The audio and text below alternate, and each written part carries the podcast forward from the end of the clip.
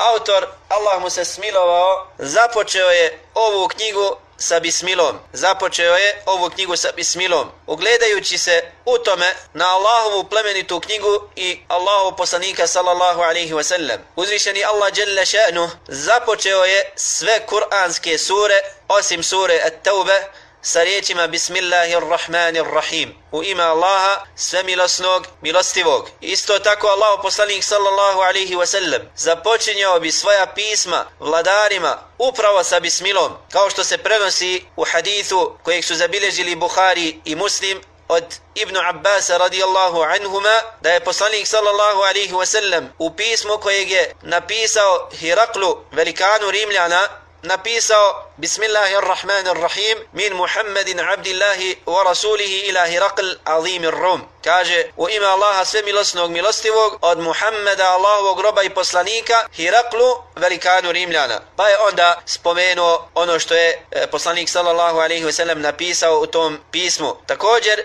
Sulejman alaihi salam, Allah poslanik Sulejman alaihi salam, svoje pismo koje je poslao Belkisi započeo je također sa bismilom, kao što nam o tome kazuje uzvišeni Allah subhanahu wa ta'ala u Kur'anu, prenoseći riječi Belkise, innahu ulqije ilaje kitabun kerim, innahu min Sulejman, wa innahu bismillahirrahmanirrahim, alla ta'lu alaje wa atuni muslimin. Kaže, o velikani, o velikaši, meni je dostavljeno. Ispred mene je bačeno pismo poštovanja vrijedno od Sulejmana i ono glasi Bismillahirrahmanirrahim u ime Allaha svemilosnog milostivog Alla ta'lu alejje wa atuni muslimin znači nemojte se oholit nadamnom nemojte se praviti da ste snažniji i veći od mene i dođite mi kao pokorni kao muslimani. Znači to je napisao Sulejman alaihissalam u svom pismu Belkisi i kažu neki učenjaci da je vrlo vjerovatno to da je Suleiman a.s.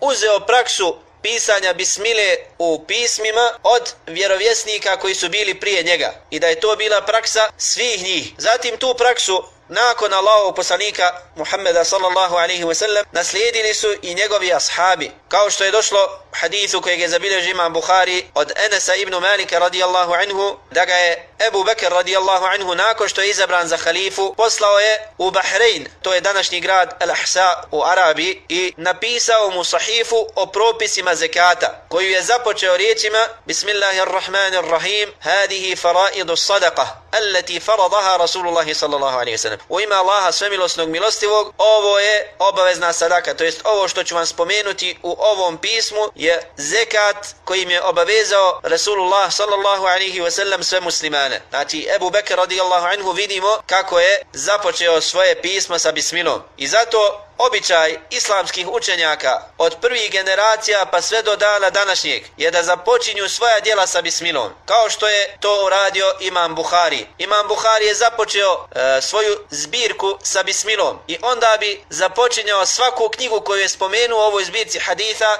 sa bismilom također. Gotovo da je teško naći djelo u velikom moru kapitalnih dijela koja su nam ostala nakon islamskih učenjaka, a da nije započeto sa bisminom. A e, što se tiče predaje, poznate predaje u kojoj se navodi da je poslanik sallallahu alaihi wasallam rekao kullu amrin zi bal lam yubda bi bismillahirrahmanirrahim fa huwa aqta. Ili u rivajetu fa abtar. Znači svako djelo koje nije započeto sa riječima bismillahirrahmanirrahim je prekinuto i nepotpuno ta predaja nije vjerodostojna. زبيل يجلس حافظ الخطيب البغدادي وسوم ديالو جامع لأخلاق الراوي وآداب السامع. تكوجر إمام الرهاوي وسوم ديالو الأربعون البلدانية. حافظ السبكي وديالو طبقات الشافعية. يدرقي سا إزرازيتو سلابيم لانسن سمبرنوسي لاتا